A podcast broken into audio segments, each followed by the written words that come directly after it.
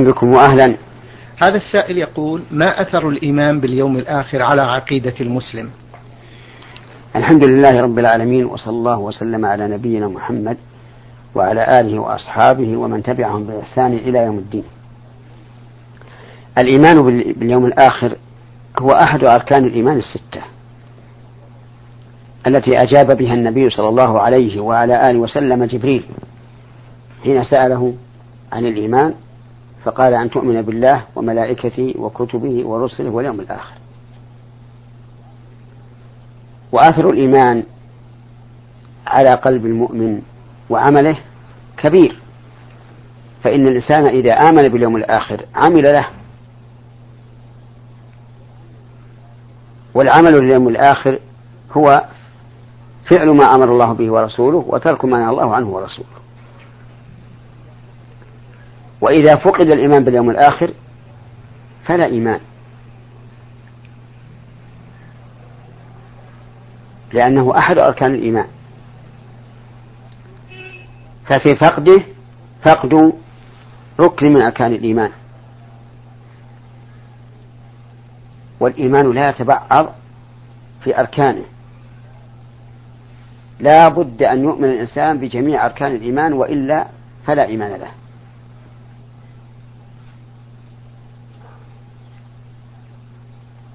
فأثر الإيمان باليوم الآخر عظيم جدا. ولهذا يقرنه الله تبارك وتعالى بالإيمان به في مواضع كثيرة من القرآن. لأن الإيمان به هو الذي يحمل الإنسان على العمل.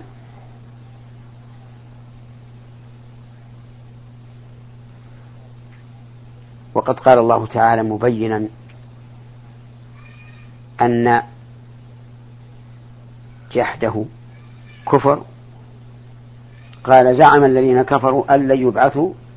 قل بلى وربي لتبعثن ثم لتنبؤن بما عملتم.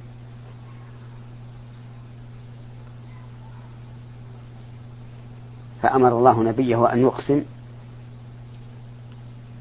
على البعث. وبين تبارك وتعالى أن ذلك يسير عليه. فقال وذلك على الله يسير.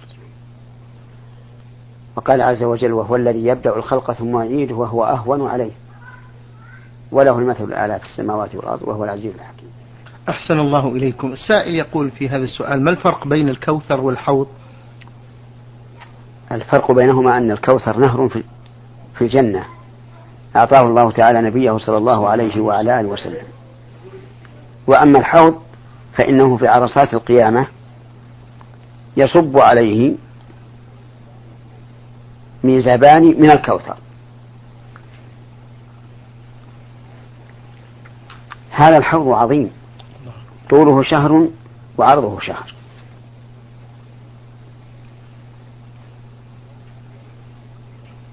يرجه المؤمنون من أمة محمد صلى الله عليه وعلى آله وسلم. جعلنا الله وإياكم ممن يرده ويشرب منه. آمين. ماؤه أشد بياضا من اللبن. وطعمه أحلى من العسل. وريحه أطيب من ريح المسك. وآنيته كنجوم السماء في حسنها وكثرتها. نعم.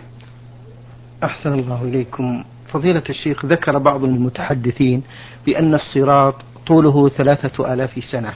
فهل هذا ثابت؟ لا ليس بثابت. يقول هذا السائل يا فضيلة الشيخ ما الأعمال التي أبر بها والدي بعد وفاته غير الدعاء؟ نعم. آه الصدقة الاستغفار صلة الرحم إكرام الصديق كل هذه مما يبر به بعد موته. لكن الدعاء والاستغفار لهما أفضل شيء. فعليك أخي المسلم بالدعاء لأمواتك واجعل الأعمال الصالحة لنفسك. فأنت محتاج إلى الأعمال الصالحة. وسيأتيك اليوم الذي تتمنى أن فيه صفحة حسناتك حسنة واحدة. نعم. يقول هذا السائل أسمع بعض العلماء يذم كتاب دلائل الخيرات. نعم. فهل تبينون لنا شيئا من تلك الأغلاط؟ أنا لا, لا أعرفه. أي. نعم. حفظكم الله يقول السائل يا شيخ صلينا في السرحة يوم الجمعة ثم انقطع عنا صوت الإمام فلم نعرف كيف نكمل. وبعد انتهاء الصلاة تقدم أحد الإخوة وصلى بنا ركعتين جهر بهما في القراءة. فهل تصلى ظهرا أم جمعة؟ هذا الفاعل أخطأ لأن الجمعة انتهت بصلاة الإمام. لكن إذا حدث مثل هذا وانقطع الصوت سواء في الصرحة أو في الخلوة فإن كانوا قد صلوا ركعة تامة وانقطع في الركعة الثانية أتموها جمعة. لقول النبي صلى الله عليه وعلى آله وسلم من أدرك ركعة من الصلاة فقد أدرك الصلاة. وإن انقطع هذا في الركعة الأولى فإن كانوا يرجون رجوع الصوت قريبا انتظروا حتى يرجع وتابعوا الإمام. وإن كانوا لا يدرون متى يرجع. فلا بد أن يصلوا إلى مكان آخر يسمعون به صوت الإمام.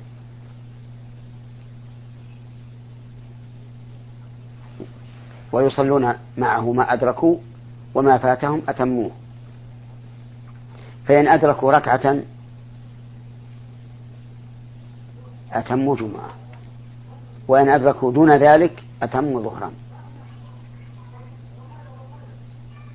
فإن لم يجدوا مكانا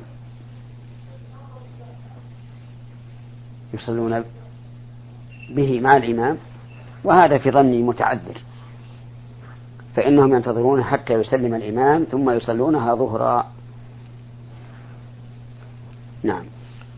حفظكم الله هذا السائل يقول في بعض الشوارع نقرأ عبارات آه، النظافة من الإيمان وأكرموا عمتكم النخلة ويقولون تحت ذلك حديث شريف. ما صحة ذلك؟ هذا ليس بصحيح. النخلة ليست عمة لنا. ولا أظنها عمة لبقية الأشجار أيضا.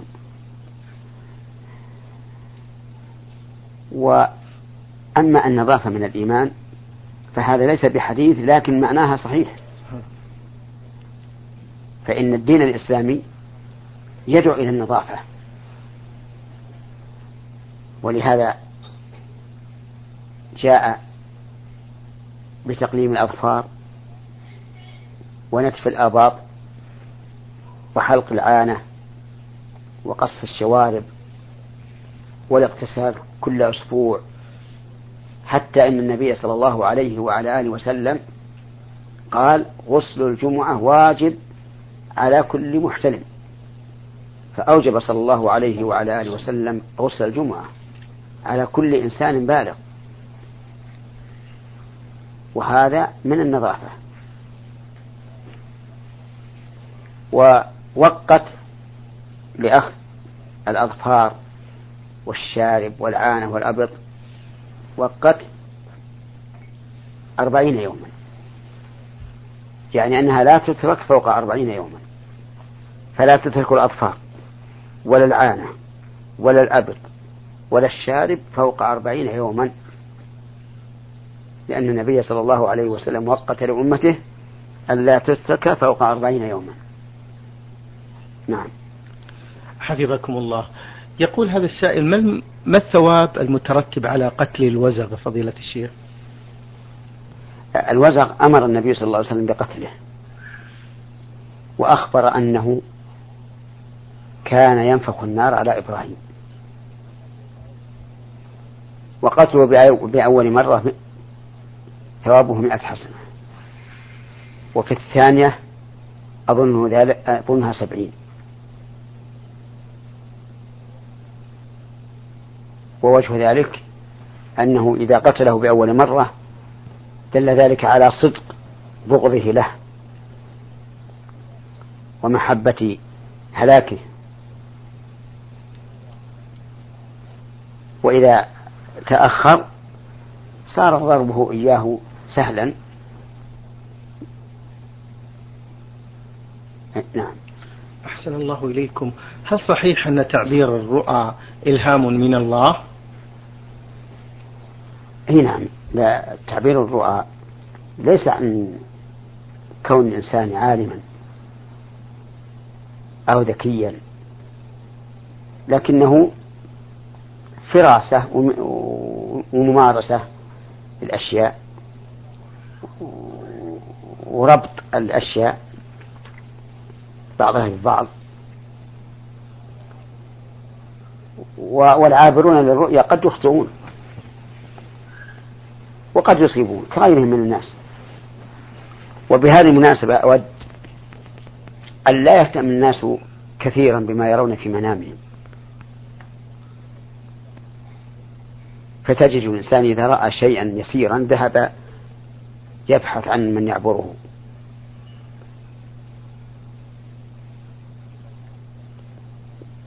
والمرائي ثلاث أقسام قسم يكرهه الإنسان. وقسم يحبه ويرى أن فيه تفاؤلا كبيرا وقسم لا هذا ولا هذا. فالذي يحبه ويرى فيه تفاؤلا كبيرا يخبر به من يحب فقط. ولا يحب أحدا ولا يخبر به أحدا يبغضه لأنه قد يحسده على هذا. وأما الذي يكره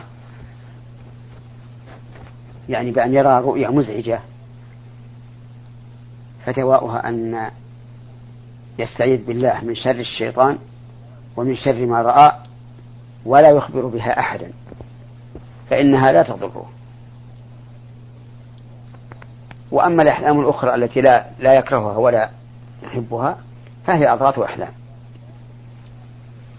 لكن لا ينبغي للإنسان أن يلهث وراء المرائي المنامية. نعم. بارك الله فيكم فضيلة الشيخ. يقول السائل أبو عبد الله تنازع شخصان في الكسوف فقال أحدهما بأنه من غضب الله وقال الآخر بأنه تخويف من الله. فمن هو المصيب في ذلك؟ المصيب من قال إنه تخويف. لأن النبي صلى الله عليه وعلى آله وسلم صرح بذلك. فقال يخوف الله بهما عباده. لكن قد يكون هذا التخويف لعقوبة انعقدت أسبابها. ولهذا أمر الناس عند الكسوف بالفزع إلى الصلاة والدعاء والاستغفار والصدقة والتكبير. وقال النبي صلى الله عليه وعلى آله وسلم صلوا وادعوا حتى ينكشف ما بكم. مما يدل على أنه إنذار وتخويف بعقوبات انعقد أسبابها. نعم. جزاكم الله خيرا وبارك فيكم. من أسئلة السائل أبو عبد الله فضيلة الشيخ يقول قال رجل لزميله إذا أنجبت المزرعة التي تملكها هذا العام أكثر من العام الماضي فعندي لك ذبيحة. وبالفعل صار. ولكن قال لهم رجل آخر هذا الكلام حرام وظلم. فما هو الصحيح في ذلك مأجورين؟ هذا يرجع إلى إلى نية الملتزم. إذا كان قصده بذلك أي بذبح الذبيحة إظهار الفرح والسرور بكون نماء المزرعة أكثر فلا بأس به. أما إذا كان قصده التحدي وأنه لا يمكن أن يكون النماء والمحصول أكثر فهذا لا وجه له ولا يوفي به. نعم. أحسن الله إليكم. من أسئلة هذا السائل يقول يا فضيلة الشيخ إذا بدأ المسلم التحية بقوله مساء الخير أو صباح الخير هل هي تحية جاهلية؟ التحية الإسلامية الشرعية أن يقول السلام عليكم. أن يقول السلام عليكم. هذه التحية. سواء كان ذلك بالمخاطبة كما لو لقيه في السوق أو دخل عليه في مجلس أو كلمه في الهاتف أو كان في الكتابة.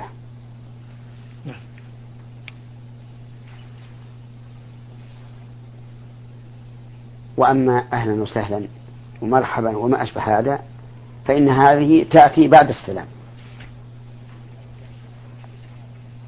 ولهذا جاء في حديث المعراج أن النبي صلى الله عليه وعلى آله وسلم كلما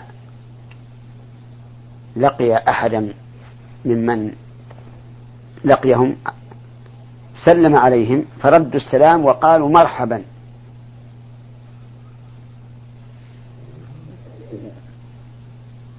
فدل ذلك على أن كلمات ترحيب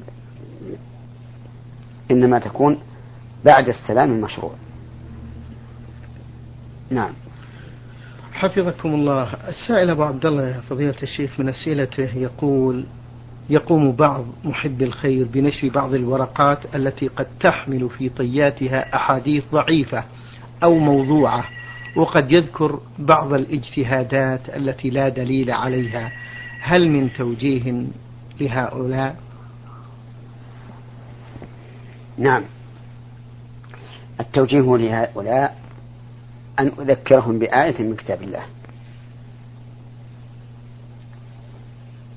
وهي قول الله تبارك وتعالى ولا تقف ما ليس لك به علم. إن السمع والبصر والفؤاد كل أولئك كان عنه, كان عنه مسؤولا. فليس عند هؤلاء علم مما ينشرونه. وإنما هي أحيانا منامات وأحيانا أحاديث موضوعة مكتوبة على النبي صلى الله عليه وعلى آله وسلم.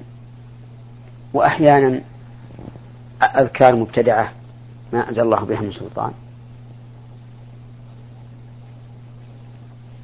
ولكن العوام يقبلون كل شيء. خصوصا إذا كان فيها ترغيب وترهيب. والواجب على من أراد أن ينشر شيئا.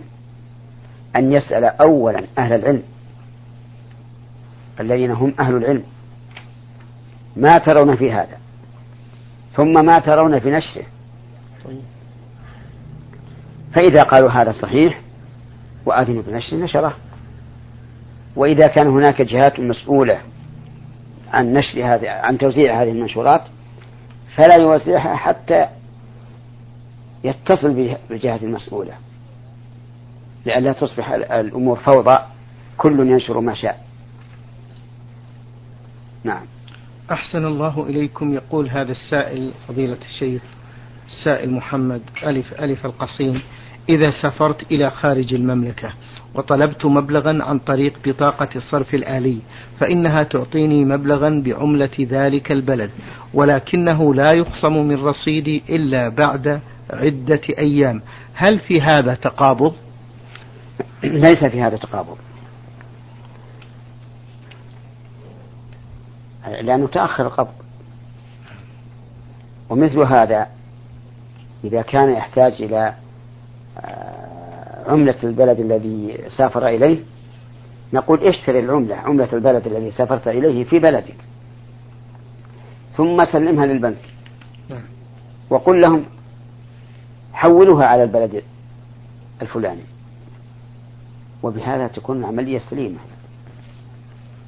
أما أن يتفق معه على أنه يبدل العملة السعودية بعملة البلد الذي سيسافر إليه ويتأخر القبض فهذا ربا نسيئة.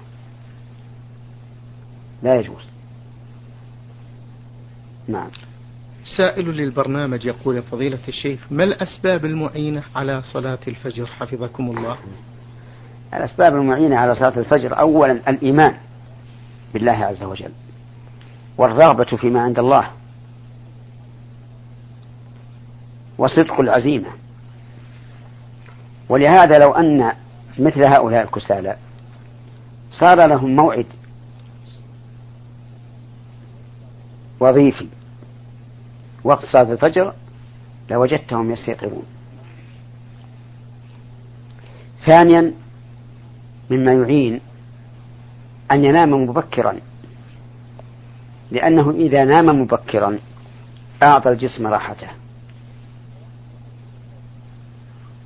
فيسهل عليه أن يستيقظ. ثالثا أن يجعل عنده منبها. والمنبهات والحمد لله الآن متوفرة. تنبهك على الدقيقة. أو يوعز إلى أحد إخوانه أنه إذا كان إذا أذن الفجر اتصل علي بالتلفون ويجعل التلفون عنده. وهذا طيب. وقد حدثني من أثق به أنه كان في الرياض وأبناؤه في المدينة. فكان إذا دخل وقت الفجر في المدينة زهم عليهم من الرياض وأيقظهم. وهذا من, من, من العجائب أن رجلا يوقظ نائما في المدينة وهو في الرياض.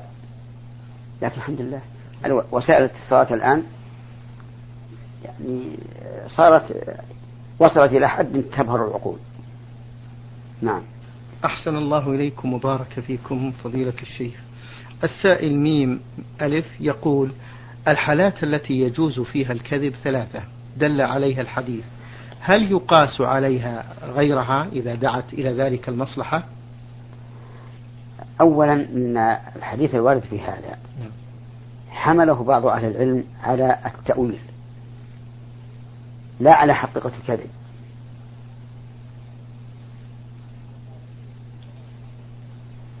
وقال إن الكذب لا يجوز بأي حال من الأحوال. والمراد بالكذب في الحديث التورية.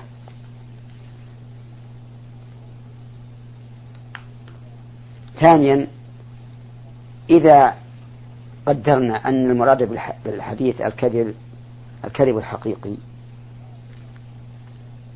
فإنه لا يقاس عليه غيره. ولسنا بحاجة إلى القياس. لأنه ما دام عندنا قدرة على التأويل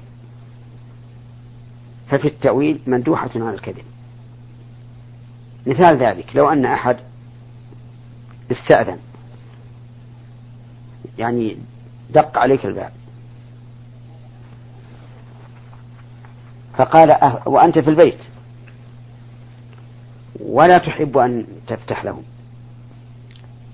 فقل لأهلك قولوا إنه ليس فيه. قولوا إنه ليس فيه. كيف يصح أن يقول إنك لست فيه وأنت في البيت؟ يصح بأن ينووا بقولهم إنه ليس فيه أي في مكان آخر غير مكان اللي هو فيه. مثل إذا قدرنا أنه في المجلس يقولون ليس فيه يعني ليس في الغرفة. وبذلك يحصل المقصود من غير كذب. ففي التأويل مندوحة على الكذب. ولا حاجة أن يكذب. والإنسان إذا أخلص النية لله وتحرى الصدق يسر الله له الصدق.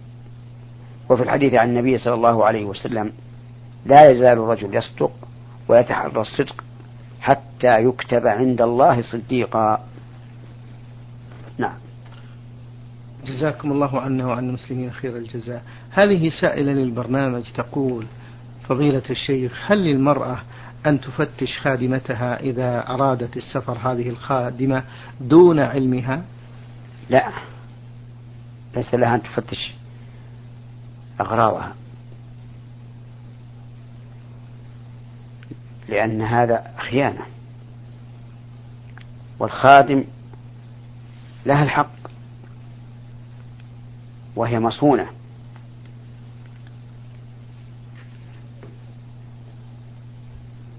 والذين يقدمون على هذا عندهم وساوس. يظنون أن أنها وضعت سحرا. أو ما أشبه ذلك. والأصل الإحسان. إحسان الظن. أرأيت لو كان إنسان يريد أن يفتش عن أشياء من هذه من هذا من هذه المرأة التي تفتش عن حوائج خادمتها هل ترضى؟ الجواب لا ترضى لا شك. وإذا كانت لا ترضى أن يفعل بها ذلك فكيف ترضى أن تفعل ذلك بالناس؟ نعم. حفظكم الله. نختم هذا اللقاء بتوجيه كلمة للإخوة بالرفق بالخدم فهو أمر طيب ومخدوميهم نعم. الواجب على المسلم أن يتحلى بالأخلاق الفاضلة وأن يرحم هؤلاء الخدم الذين ربما تركوا أهليهم. ربما تكون المرأة جت ولها أولاد في بلدها. أو جاءت ولها أمهات لطلب الرزق. فالواجب أن يرحموهم وقد قال النبي صلى الله عليه وعلى آله وسلم ارحموا من في الأرض يرحمكم من في السماء. وما يدري هذا هذا الإنسان. ربما يأتي يوم من الأيام أن تنقلب الأحوال. فيكون هو خادما أو أحد من ذريته خادما.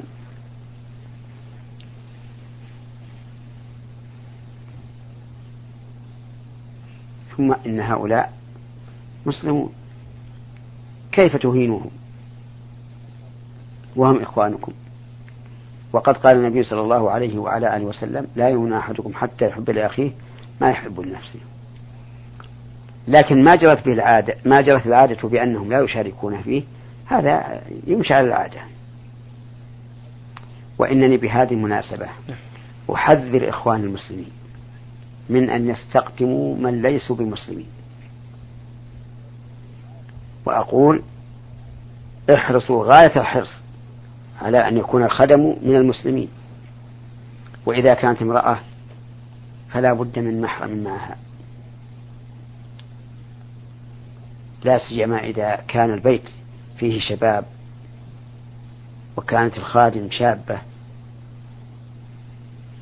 فالخطر خطر عظيم. وإذا كان معها محرمها فإنه فإنها تهاب المرأة وأيضا يكون محرمها ملجأ لها. نعم. شكر الله لكم يا فضيلة الشيخ وبارك الله فيكم وفي علمكم ونفع بكم الإسلام والمسلمين. أيها الإخوة والأخوات أجاب على أسئلتكم فضيلة الشيخ محمد بن صالح